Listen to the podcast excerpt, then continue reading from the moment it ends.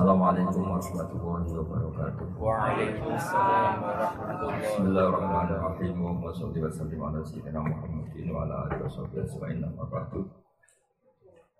Eh, mungkin di antara ngaji-ngaji yang ada di Korea, yang paling cerita penderitaannya hanya di sini.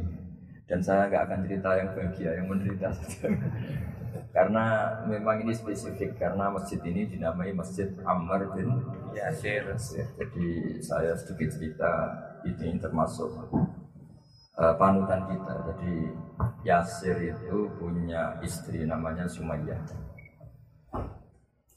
Kata Rasulullah Shallallahu Alaihi Wasallam, Yasir dan Sumayyah itu awalu syahidin fil Islam. Terus pertama orang yang mati bela-belain agama Allah ini sinten Yasir. Bapak sinten Ammar. Ini perlu diketahui. Jadi kalau sampean merantau terus agak miskin, agak susah itu masih sepele. Dulu itu Yasir itu sampai meninggal demi bela-belain agama Allah. Sebetulnya bersamaan dengan itu Bilal, tapi Bilal gak jadi mati karena ditebus ya Pak? Abu Bakar. Ini penting sejarah ini untuk melatih kita ikhlas. Terus misalnya ada seorang mubalek atau siapa saja yang dengan tanda kutip kadang merasa fasilitas dari yang undang kurang ini kurang itu. Sekarang itu enak. Pidato atau dakwah itu sudah diletakkan di depan, disuruh ngomong, kadang dihormati macam-macam. Dulu itu enggak, yang namanya dakwah itu pasti dipukulin. Jadi dulu yang namanya dakwah mesti apa? dipukul. Dipukulin, disiksa. Sekarang yang namanya dakwah itu dihormati. Jadi kalau ada yang masih ngeluh itu keterlaluan. Karena sudah sedemikian rupa. Kemudian setelah Yasir dan Sumayyah itu meninggal, Ammar itu ikut Rasulullah Shallallahu Alaihi Wasallam di Madinah. Dia akhirnya juga tubuh via syahidan bela Sayyidina Ali. Terus di antara khazanah Islam itu tidak hanya cerita keceriaan tapi juga cerita nopo penderitaan. Bapak saya itu ketika saya latihan ngalim yang paling saya kenang setiap ngimami subuh itu baca ayat wasama idatil burud wal yaumil. Saya cerita sedikit semoga teman-teman Korea terutama yang di masjid Ammar bin Yasir ini karena tadi dengar saya sungkan mau cerita keceriaan karena namanya Ammar bin Yasir ini nama penderitaan bapaknya yang menderita anaknya menderita semoga yang pakai nama ini sudah selesai penderitaannya karena sudah dihabiskan oleh keluarga Ammar bin Yasir. Yasir sehingga stok penderitaannya sudah selesai Selesai. Seperti miskin kita, buyut kita miskin, bah kita miskin. Masa sampai cucunya masih miskin. Semoga malaikat yang ngurus miskin sudah selesai. Eh, di surat wasama idatil burut itu asbabil burutnya adalah para sahabat ketika sering disiksa oleh orang-orang kafir mendapat perlakuan buruk dari orang-orang kafir kalau dalam bahasa agama itu udzibu fillah. Mereka disiksa demi bela-belain agama Allah. Itu karena tahu Rasulullah Shallallahu Alaihi Wasallam itu doanya mustajab. Itu ngerayu gini sama Rasulullah. Ya Rasulullah engkau kan doanya mustajab. Kita ini disiksa terus. Mbok berdoa supaya keadaan ini berubah. 180 apa? Derajat. Pas itu orang Islam baru 6, baru 12 Karena umat Islam dulu masuk Islam itu satu, satu, satu Jadi kenangannya Abdul bin Mas'ud, saya orang ke-6 Kenangannya siapa? Saya orang ke-7 Satu, satu, satu.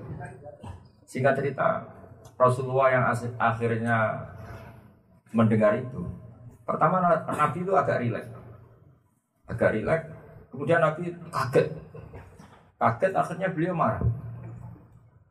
Jadi Nabi itu unik, dimintai doa untuk supaya ada jalan keluar atau ada kemenangan Islam, Nabi marah. Dan kemarahan ini yang kita tiru. Tapi bukan marah emosi kayak kita itu enggak. Marahnya Nabi itu beda dengan kita. Kalau kita marah itu emosi terus nggak karu-karuan. Kalau Nabi itu marah itu ghirafillah jadi apa ya? Ada ekspresi kejengkelan untuk menunjukkan kalau itu sesuatu yang tidak baik. Baik, kalau marah kita kan emosi, dendam, terus gak karu-karuan. Nabi kaget terus beliau duduk ngendikan begini. Apa kamu minta menang sekarang? Kamu minta futuhat sekarang? Kamu minta kebahagiaan sekarang. Dulu kata Nabi, Inna mangkana qablakum Orang-orang sebelum kamu ketika iman Itu layu do'ulahul min syarfi mafroqi roksi Geraji itu diletakkan di sini Terus digeraji Fayasukuhu sikkan Kemudian dari digeraji itu terbelah menjadi dua Intinya kamu baru gini saja cemen Baru ngumpulin uang untuk beli gereja jadi masjid saja sudah cemen Harusnya berjuang itu kayak orang dulu. Taruhannya apa? Nyawa. Digeraji. Sekarang enggak banser kan? ya gak apa-apa daripada ngawal artis ya ngawal kiai. Kalau dia ngawal artis cantik kepikiran terus gak bisa tidur mendingan ngawal kiai. Saya ulang lagi ya. Jadi Nabi memperbandingkan wa inna ah wa inna mangkana qablakum orang sebelum kamu gara-gara berjuang itu layu ulahul min syarfi mafrana iman itu. Yudha'ulahul ukhdud. Dibikinkan ukhdud. Ukhdud itu parit cekungan parit atau ya parit lah kalau orang Jawa bilang. Terus diisi api. Diisi api yang menyala-nyala. Setelah itu orang-orang yang iman dicemplungkan di situ. Kemudian yang nyemplungkan tertawa-tawa melihat orang Islam atau orang yang iman kejat-kejat di api itu. Kayak apa susahnya? Nah, itu yang disebut di wasama idadil buruj wal yaumil maut wa syahidi wa masyud utila ashabul ukhdud terus annari datil waqud idhum alaiha qurun wa ala ma bil mu'minina jadi api diparit dinyalakan ya kayak api yang dipakai bakar apa itu bukan bata yang lebih ekstrim untuk bakar gamping itu nah untuk bakar kampur itu kan ekstrim betul di cekungan Terus apinya besar, besar. Pohon kelapa saja gak di apa? Gak dipecah ya langsung utuh. Langsung hangus. Ya langsung hangus saking panasnya apa? Iya. Itu orang Islam dicemplungkan di situ sambil dikeplok tertawa-tawa. Di sini anna ridatil wakut izum alaiha kuut. Mereka yang menyiksa itu duduk-duduk di situ melihat kejat-kejatnya orang-orang Islam. Wahum ala ma yaf'aluna bil mu'minina syuhud. Dan mereka menyaksikan menyaksikan kematian itu. Suama naqawum minhum illa yu'minu billahil azizil hamid. Dan penyiksaan itu semua hanya karena yang disiksa mempertahankan iman kepada Allah Subhanahu wa taala. Kayak Jadi saya itu kan kecelok kiai, kecelok wong alim. Itu kalau nuntut orang yang undang kita itu malu betul. Kita sekarang itu sudah enak, pidato dikasih fasilitas, mubalek dikasih fasilitas. Bahkan difasilitasi di kawal apa? Banser. Karena kalau nggak dikawal banser, kiai itu kalau makan jajan sidik, kalau nggak ada banser nggak ada yang habiskan. ya hikmahnya ya itu. Makanya kalau makan ini senang pikir apa? Kiai. Karena pikir kiai kan paling lak. Nah kiai itu kan kalau makan mesti sedikit karena lama tirakat. Nah ini yang penting ya budgetnya itu. Jadi ini penting sekali kiai kiai sekarang mubalek termasuk jenengan ini juga dai dai lobo yang sampean alami di sini itu masih gak sebanding dengan yang dialami para sahabat, para orang-orang sehingga Rasulullah ketika ada sahabat yang minta cepat ada futuhat, cepat ada kemenangan, Nabi marah. Kamu baru gini saja cemen, kira-kira gitu kalau bahasa Indonesia. Kamu baru gini saja cemen. Orang-orang dulu gara-gara iman diger, gara-gara iman dibakar di api. Gara-gara iman ngalami seperti ini, seperti ini. Akhirnya sahabat nangis, ya sudah ya Rasulullah. Kita tidak akan cemen lagi. Sekarang kok cemen apalagi keliru sekali sekarang ya tadi sudah mulia dikasih panggung dihur Mati. mati dikawal apa? Banser. Mau tuh kayak apa mulianya kiai sekarang? Lu ngono kuwi orang sing sampai. Kurang sanggup deh, kurang apa nih? Ya Allah, amit amit. Itu ditobat non. Jadi tobat bukan masyarakat dok, kiainya juga harus. Bukan apa-apa, ini penting saya utarakan supaya dengan membaca sejarah seperti itu. Dulu yang namanya berjuang itu di antara sifatnya kata Allah wa fi sabili. Mereka tersakiti ketika menuju jalanku kata Allah. Artinya orang Jawa dulu itu tersakit-sakitan.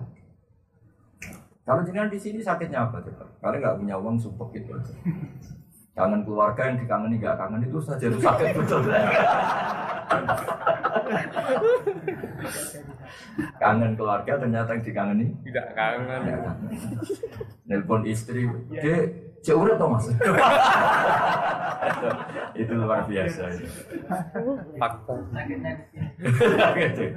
Tapi karena kulino ya ada break saja, dinikmati saja.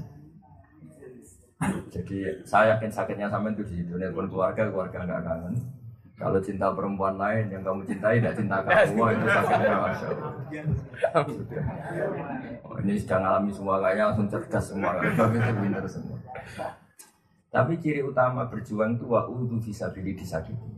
Jadi masjid ini spesial karena dengan nama Ammar bin Yasir. Yasir kita cerita kemenangan itu malu karena Yasir ini nggak menangi Fathu Makkah. Ya Yasir ini nggak menangi Fathu Maka. Beda dengan Bilal ya beliau juga disiksa tapi akhirnya kan menangi Fathu. Jadi menangi Islam keren. Beliau menangi kemenangan apa? Islam. Nah kemenangan Islam itu ditandai Waro'ai tanna sayadkhuluna fi dinillahi afwaja. Kamu melihat manusia masuk Islam itu bergelombang-gelombang. Karena dulu masuk Islam itu furoda furoda satu satu. Tapi setelah Fatu Mekah, kampung ini masuk Islam, kampung ini masuk Islam, komunitas ini masuk Islam, bentuknya masif. Nah, itu namanya apa? Af afwaja, apa bergelombang Gelombang. Wah itu sudah kayak sekarang di Korea ini. Menurut saya sudah saatnya afwajan. Meskipun lewat imigrasi. PKI. nggak apa-apa. Sementing Allah disembah di bumi. Jadi ciri utama agama itu ayu abadawahu fi ardi. Allah disembah di bumi. Bumi ini milik Allah, semua milik Allah. Kemudian Allah nggak disembah. Allah diabaikan di bumi itu. Ini aneh dalam pemikiran hak. Sehingga tujuan agama itu apa? Supaya Allah disembah di bumi, bingung. Soal penyembahnya kontraan seperti ini enggak apa-apa. Enggak, enggak. Penyembahnya kan masih kontraan. Ada orang-orang yang apa? Ya jangan permanen, kamu punya keluarga nanti diganti yang lain. Jadi ini kan yang nyembah Allah di bumi Korea kan ada orang-orang Pernah. permanen sementara ini. Sebagian orang apa? Kontrak. Oh, nomaden atau kontraktor ya. Enggak apa-apa. Dulu pertama kali Medina ada orang nyembah Allah juga pendatang dari Makkah. Indonesia pertama ada Islam juga pendatang dari Gujarat dari Punjab. Cina pertama ada Islam juga ada pendatang dari Arab. Enggak apa-apa, semua ini proses. Sementing sama jangan tergesa-gesa untuk segera menang gemilang itu Nabi tidak suka. Seperti tadi sahabat yang usul supaya Nabi minta sama Allah berdoa supaya langsung men Menang. Nah itu sama Nabi diingatkan jangan begitu dulu orang-orang berjuang alami gini-gini yang kamu alami itu masih ceng. Jadi dengan cerita ini semoga anda tambah kuat. Terus hikmah kedua menamai dengan Ammar bin Yasir. Terus tadi saya lihat data di bawah ada masjid Abu Bakar ya, Oke. ada masjid apa Musola Umar. Itu bagus sekali untuk penguatan mazhab ahli sunnah Wal jamaah. jamaah atau aswajanya Nahdlatul Ulama. Kenapa saya katakan penting begini? Pada akhirnya di komunitas internasional, saya ulang lagi, pada akhirnya di komunitas internasional. Ciri utama ahli sunnah itu apa? Mahabbatus sahabat, mencintai Sahabat. sahabat. Utamanya siapa? Abu Bakar dan. Umar. Dengan penamaan masjid seperti Ammar bin Yasir, Abu Bakar, Umar, itu sekaligus penegasan bahwa kita ahli sunnah Wal jamaah. ini hikmah yang luar biasa. Makanya Habib-Habib yang alim alama itu sering kali anak-anaknya dinamai putra-putra beliau dikatakan dinamai apa? Abu Bakar, dinamai Umar. Kita tahu Habib Kutub di Gresik namanya apa? Abu Bakar Segar. Habib yang sekarang sangat populer namanya apa? Sayyid Umar Hafid. Ya, Mak. Yang mubalek terkenal, yang manfaatnya banyak Habib Umar Mutoh. Umar Betul. Dengan penegasan seperti itu kita tambah pede dengan mazhab ahli sunnah karena alawin mayoritas habaib madhabnya apa ahli sunnah jamaah. ditandai dengan nama-nama Abu Bakar Umar ya dinamai dengan nama-nama para sahabat. Jadi penamaan Abu Bakar Umar itu takwiyatan di madhab ahli sunnah Wal jamaah karena min alamati ahli sunnah mahabbatus sahabat wa ikram wa ikramus sahabat. Jadi ini penting sekali karena min alamati ahli sunnah ikramus sahabat. Jadi penamaan ini sekaligus jadi Ammar bin Yasir ngenang penderitaan Karena ini penting sekali, kamu tidak usah dikenang, Mbak, ya mengalami, jadi ya mengalami ya sudah dinikmati saja. Cuma kurang seru, karena dulu Amar bin Yatir bapaknya itu dipukulin, ditimpain batu sampai mening. meninggal. Saya berharap jangan jangan Amin. Ya usah, ada usah meninggal di sini.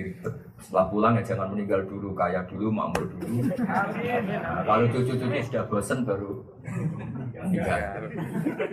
Terus kalau meninggal ya yang sopan, lah, meninggal warisan atau apa, jangan. Jadi yang sedikit punya etika apa? Jangan punya utang banyak terus meninggal. Dibuka catatannya apa? Utang itu nggak keren itu. Makanya Nabi itu nggak mau nyolati orang yang punya utang karena mayat ini nggak keren. Karena bukan berarti Nabi benci orang utang ya enggak, tapi ada terlalu. Tidak nigali warisan, nigali utang. jadi, jadi ini penting sekali saya. Saya nggak tahu kalau masjid ini namanya Ammar bin Yasir. Ya tadi pas datang ke sini, sebenarnya dengar-dengar tapi nggak nggak ngerti detail.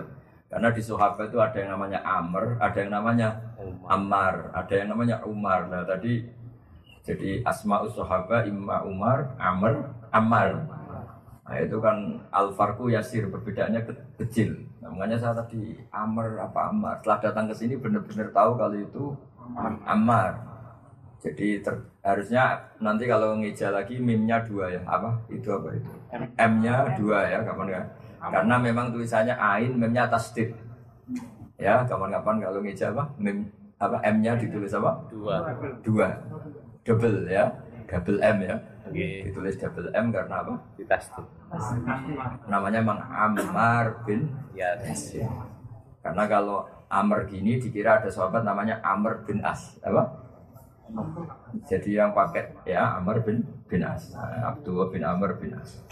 Ya jadi eh, nanti kapan-kapan lah. Tidak harus sekarang harus sekarang susah.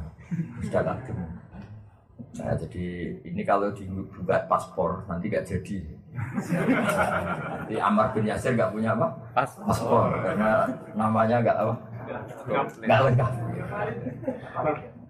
Jadi ini penting sekali. Jadi saya mohon sekali keikhlasan kita ini kita jaga misalnya ngurusi Islam di sini kok gak jadi ketua banser ya gak usah tersinggung.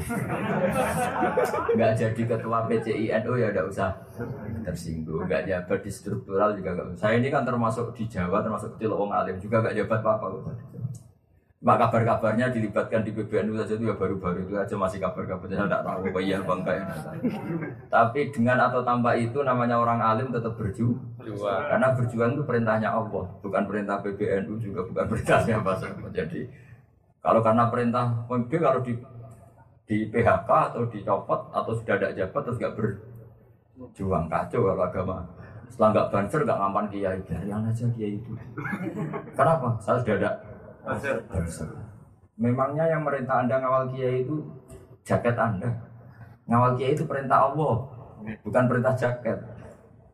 Jadi meskipun sudah tidak berjaket banser, kalau ada kiai ya di Kawan. Cuma kiai yang kurang gaya kan gak keren kalau gak. gak ya halal watan, ya halal. Tapi ini penting sekali cerita seperti ini penting sekali. Jadi Rasulullah itu sangat-sangat duka, sangat marah ketika ada sahabat minta Islam secepatnya menang. Karena itu menyalahi sunnatullah.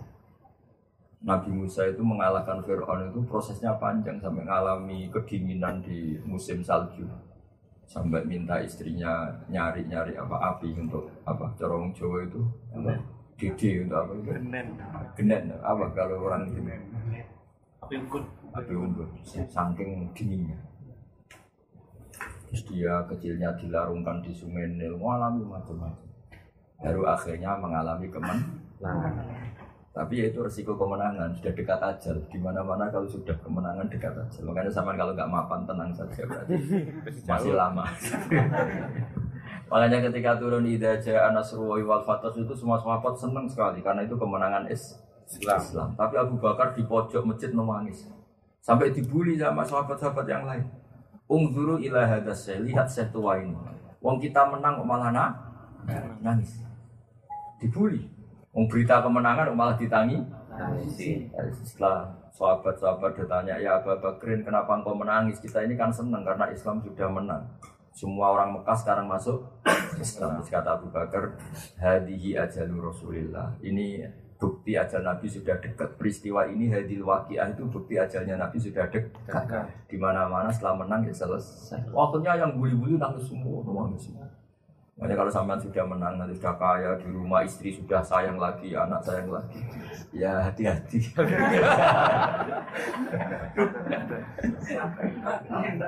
Tapi tidak insya Allah tetap tetap sampai tua karena ya Allah lah melaratnya kan 20 tahun insya Allah nanti Syukur-syukur melaratnya lebih 20 tahun ya. Itu mulai kecil, mulai lahir.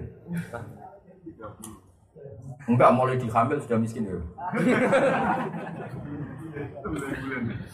Iya kan mulai mis, mulai di kandungan kan orang tua kita sudah miskin. Wah lama lah miskin. Nah insya Allah nanti kayaknya juga.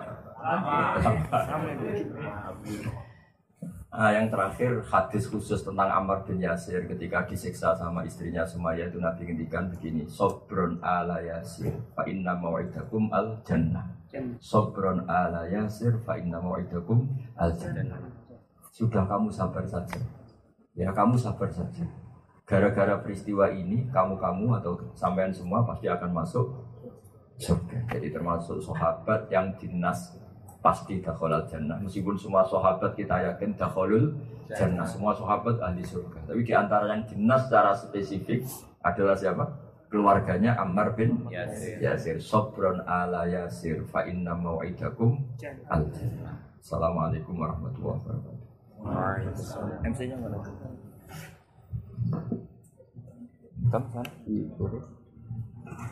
Alhamdulillahirrahmanirrahim Kita telah mendengarkan kajian tentang agama Islam dari kajian Kedua Salim. Dan untuk selanjutnya insya Allah kita akan buka sesi tanya jawab dan khusus untuk penanya satu orang satu. Tiga aja, semuanya tiga. Oke, semuanya tiga pertanyaan. Tiga ya. Oke Kang Haji Anam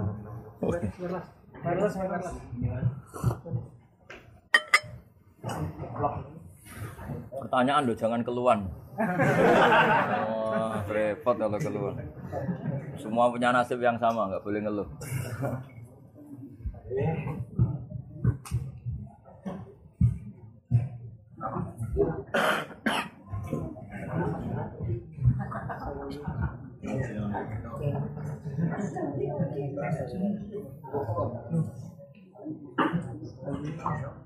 Tata kalam. Langsung mawon. Maksud tata kalam baru Inggris. Arab. Oh, Rusia. Langsung mau nggak apa-apa. Langsung mawon.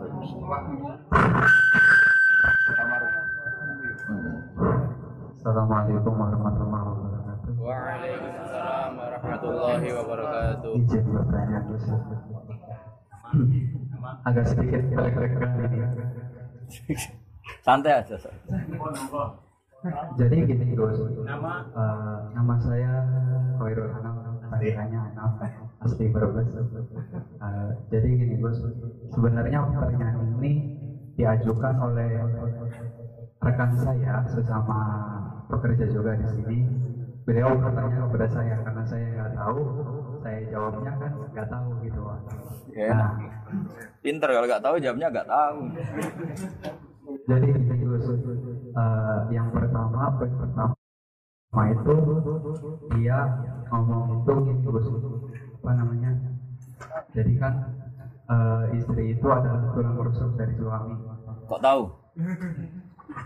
si persepsi dia persepsi dia gitu saya hanya menggaris besar seperti itu kemudian yang kedua kalau menyakiti itu kan dosa buat eh, yang apa yang dosa buat yang menyakitinya persepsi dia begitu kemudian eh, dia bilang seperti ini kalau misal eh, Udah. kalau semisal eh, saya apa kalau semisal ada seorang suami nikah lagi itu bagaimana gitu kan gitu. itu yang pertama Ya itu siap dimarahi. kan katanya kan istri itu kan kalau kalau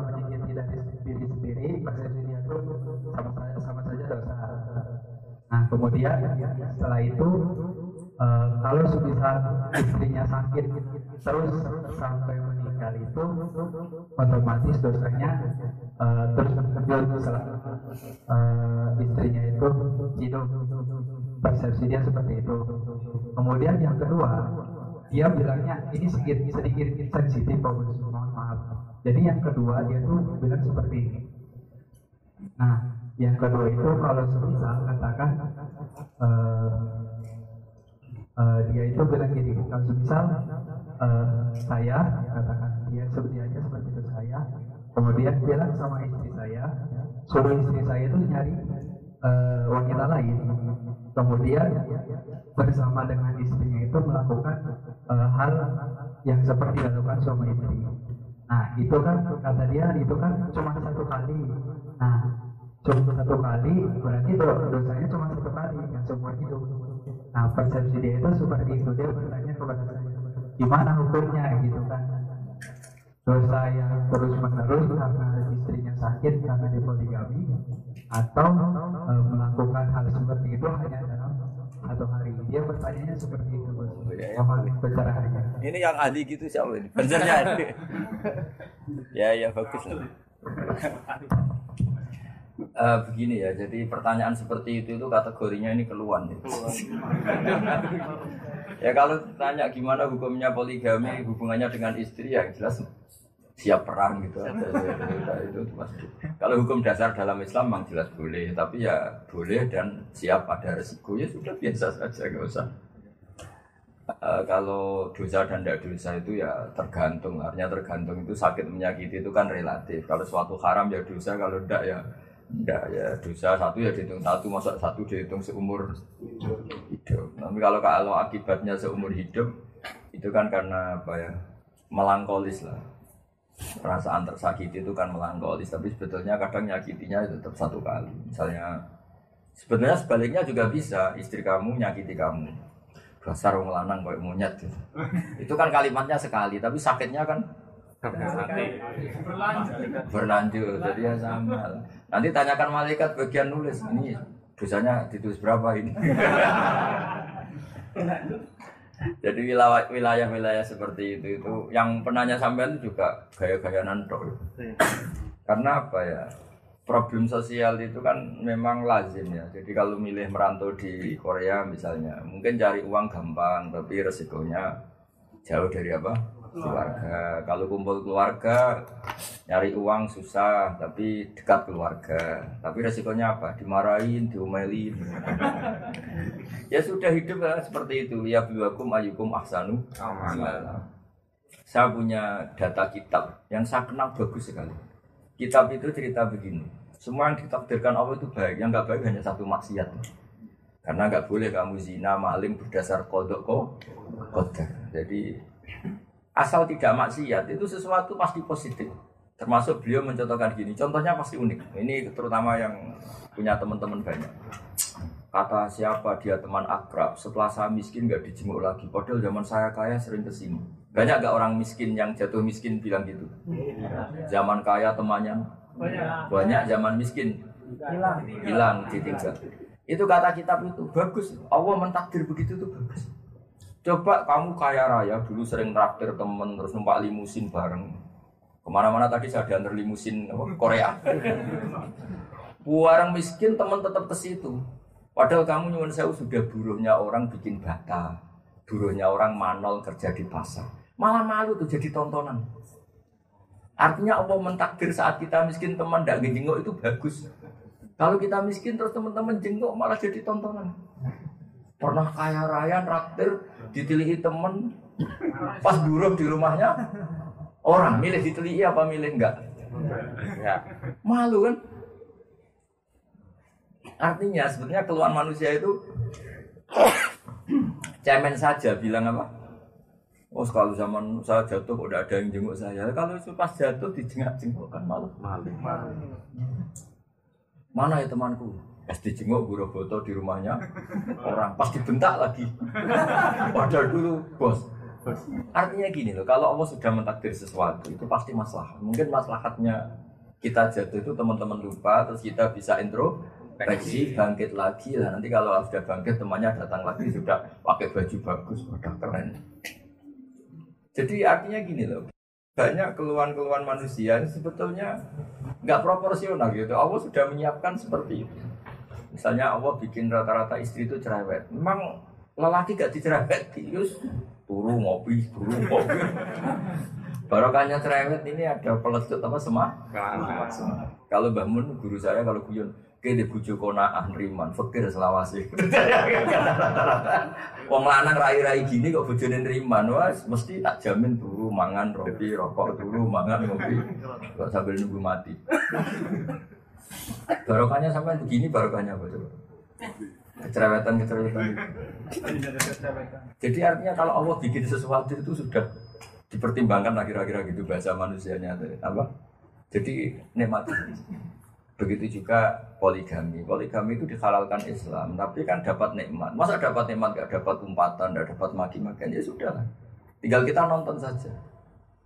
Bila ya, artinya sesuatu pilihan kan pasti ada resi, resiko. resiko. Makanya saya sering bilang ke teman-teman, saya datang kalau kamu poligami, tapi ada resepsinya. Waduh, Gus gak resepsi, perang.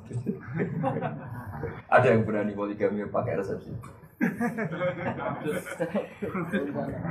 Bisa perang. Jadi menurut saya kita ya jangan merubah hukum Islam tapi yang ngitung ngitung kekuatan apa? kekuatan dan kemaslahatan makanya kata Quran wa in khiftum alla ta'dilu ya fawahidatan kalau kamu merasa takut tidak adil ya cukup. Satu kalau kamu bukan sekedar takut tidak adil pasti tidak adil. Rai-rai gini itu pasti tidak adil. Ya saya kira demikian. Tanya. Monggo pertanyaan selanjutnya. Monggo Pak Ustadz muda dari Nusa Kang Jumadi.